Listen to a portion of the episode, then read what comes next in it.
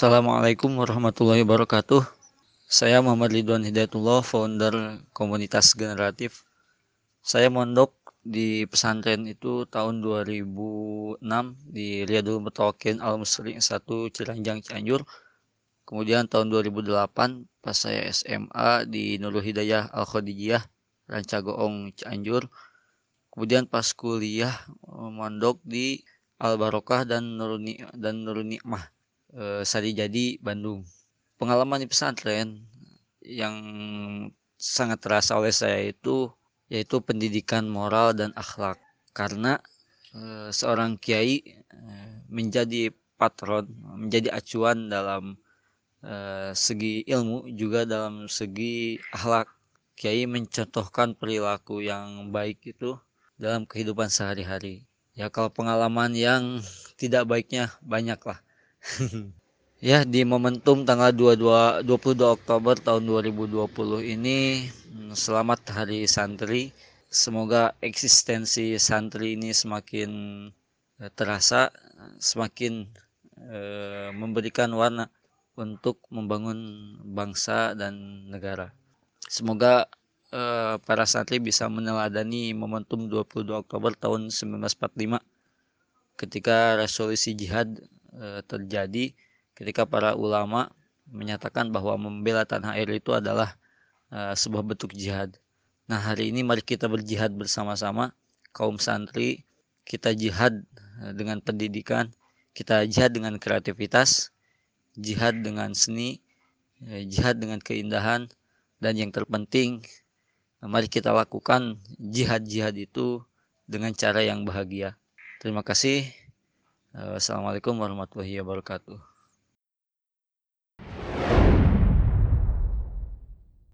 Bismillahirrahmanirrahim. Assalamualaikum warahmatullahi wabarakatuh. Saya Pupu Fakhrul Rozi, alumni IPAI angkatan 2009 dan pasca PAI angkatan 2014. Saya sejak kecil sampai sekitar tahun 2003 mondok di Pondok Pesantren Al Fakhriyah Kabupaten Bandung. Kemudian tahun 2004 sampai tahun 2006 itu MTS mondok di Pondok Pesantren Baitul Arkom Kabupaten Bandung dan semenjak SMA tahun 2006 sampai 2009 mondok di Pondok Pesantren Sabilul Falah Kabupaten Bandung kemudian kuliah waktu kuliah tahun 2009 itu mondok di Pondok Pesantren Al Barokah Sari Jadi mengenai kesan suka duka di pondok pesantren. Itu sangat luar biasa banyak sekali.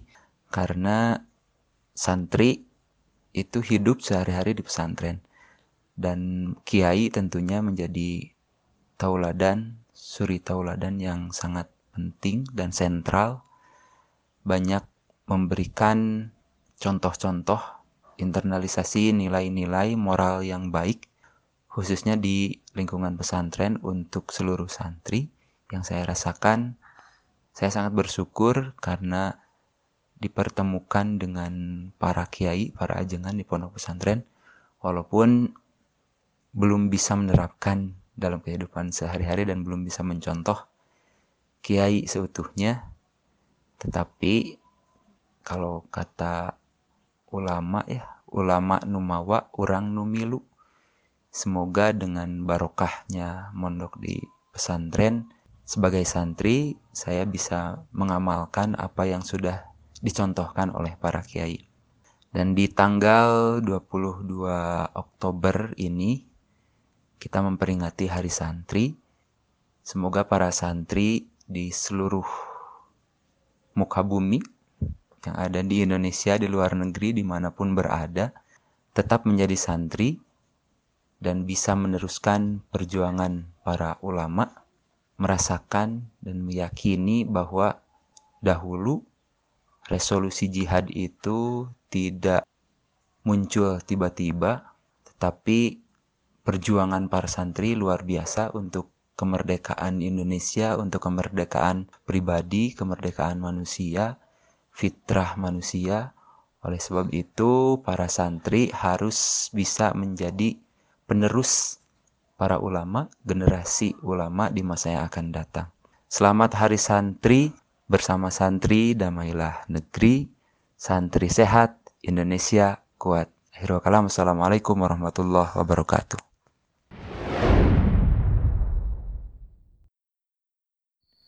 Assalamualaikum warahmatullahi wabarakatuh. Halo dulur-dulur, nama saya Yusuf Bahtiar, alumni Pondok Pesantren Muhammadiyah Al-Furqan Singaparna, tahun angkatan 2006 sampai dengan 2012. Pengalaman pribadi saya menjadi santri, awal-awal mondok sih pasti merasa tidak betah, bawaannya pengen pulang. Mungkin karena kebersamaan dan dorongan dari orang tua yang membuat saya kuat dan betah mondok. Suka dukanya sih kalau setiap awal bulan ya, soalnya dapat paket kiriman dari orang tua. Atau kalau di akhir bulan nih, pas finansial kita lagi sekarat-sekaratnya, tiba-tiba teman sekamar kita ini dapat paket kiriman dari orang tua. Wah itu merupakan hal yang luar biasa sih.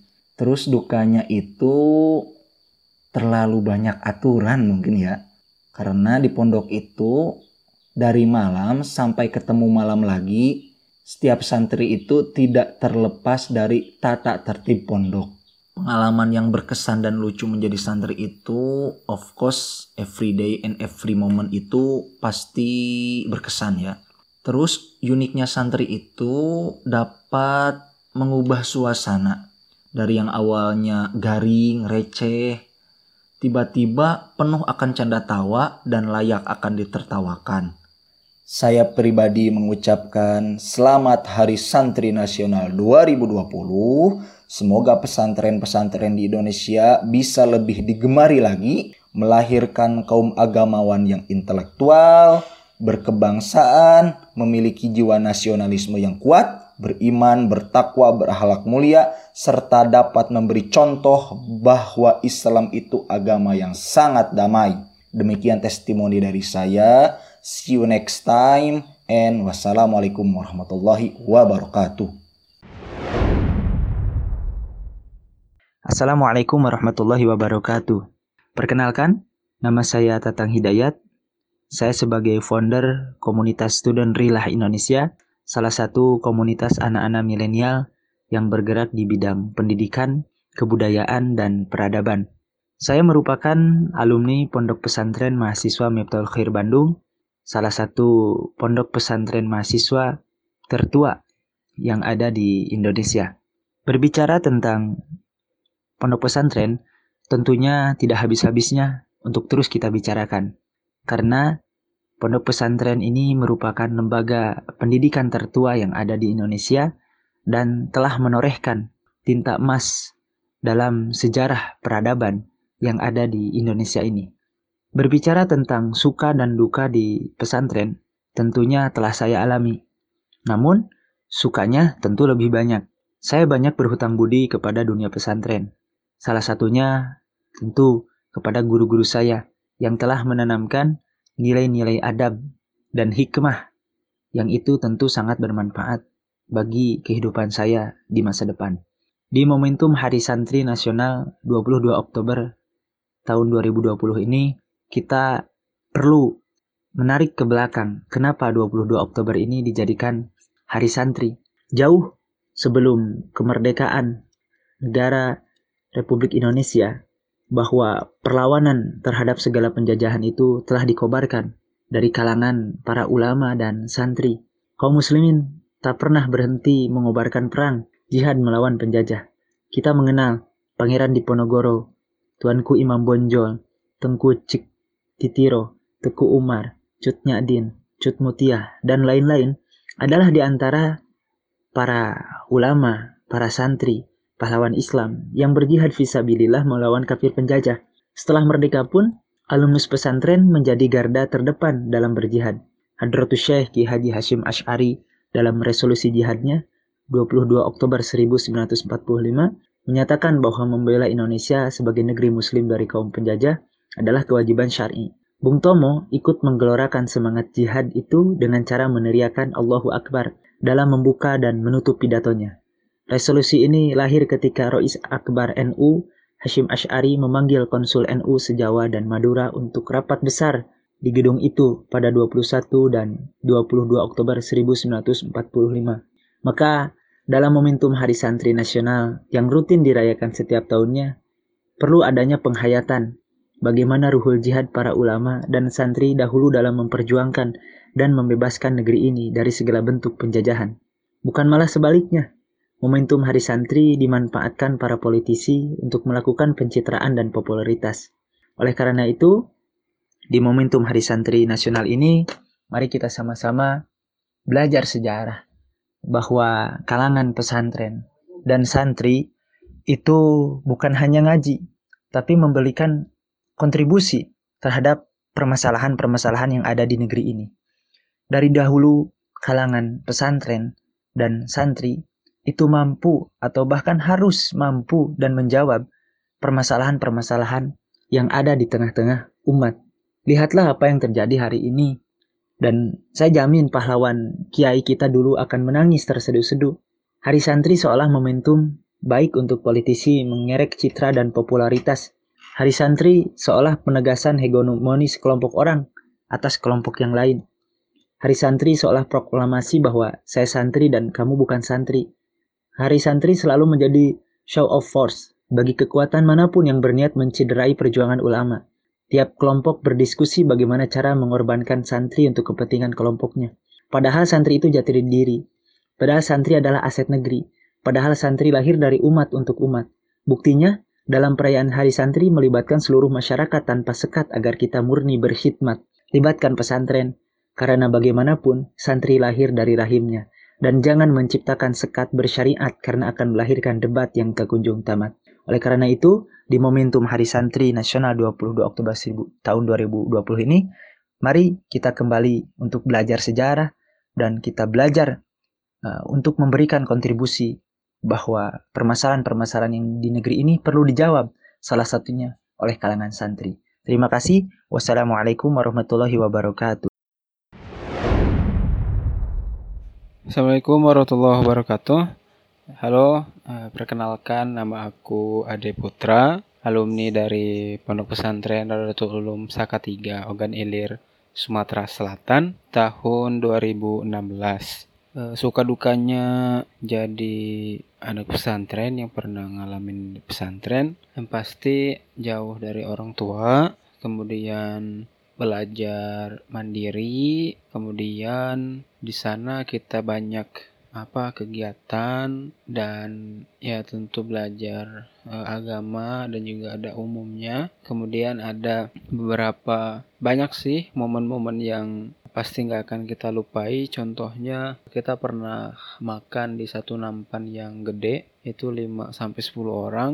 Wah itu yang nggak pernah kita lupain. Dan di pesantren itu ada satu menu yang apa ya suka di ejek sama anak-anak lah bahasanya kayak gitu ya. Kalau eh, lagi dapat menu itu wah pasti jadi rame nih. Itu menu tongkol dan anak-anak yang makan tongkol itu banyak yang kena gatel jadinya kayak gitu.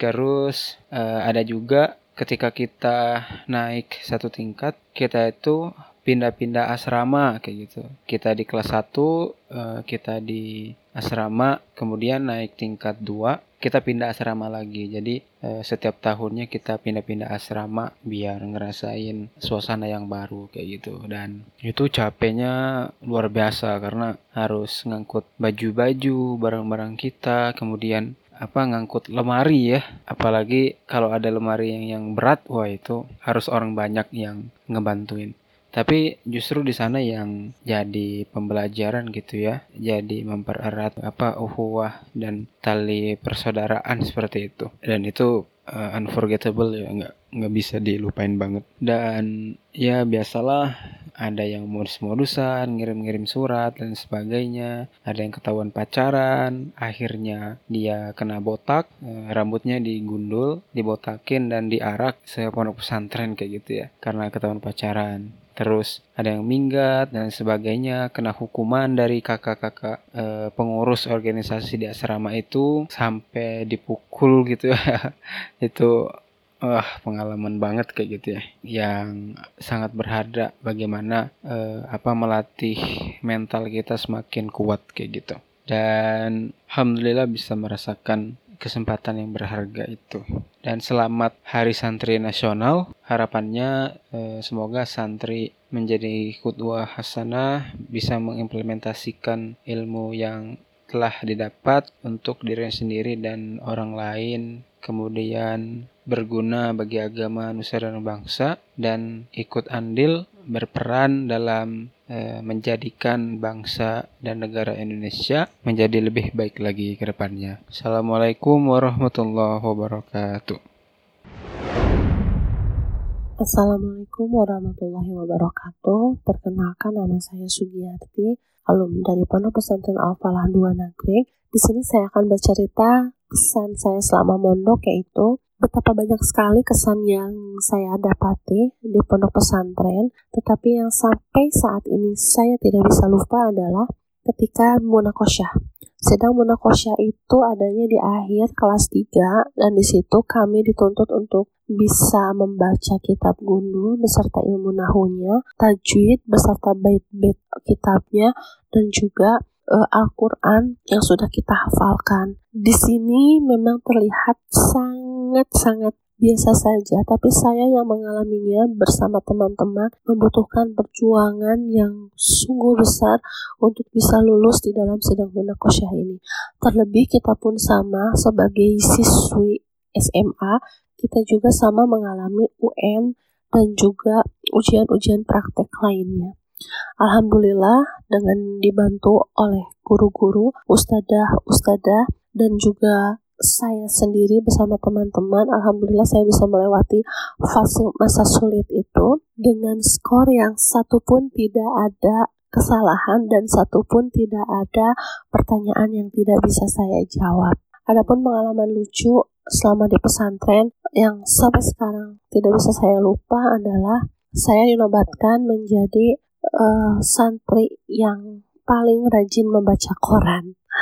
Karena tidak ada media elektronik, maka koran adalah satu-satunya sumber informasi. Untuk itu, setiap pagi saya nunggu tukang koran biar saya menjadi orang yang paling pertama baca. Karena kalau udah siang, itu koran berceceran dari kobong ke kobong udah nggak tahu halaman satu di mana halaman dua di mana. Untuk itu pagi jam 6 ketika orang lain masih antri mandi saya sudah menunggu tukang loper koran untuk membaca informasi atau berita terkini Mungkin itu saja pada santri-santri yang masih ada di pondok saya ucapkan selamat berjuang.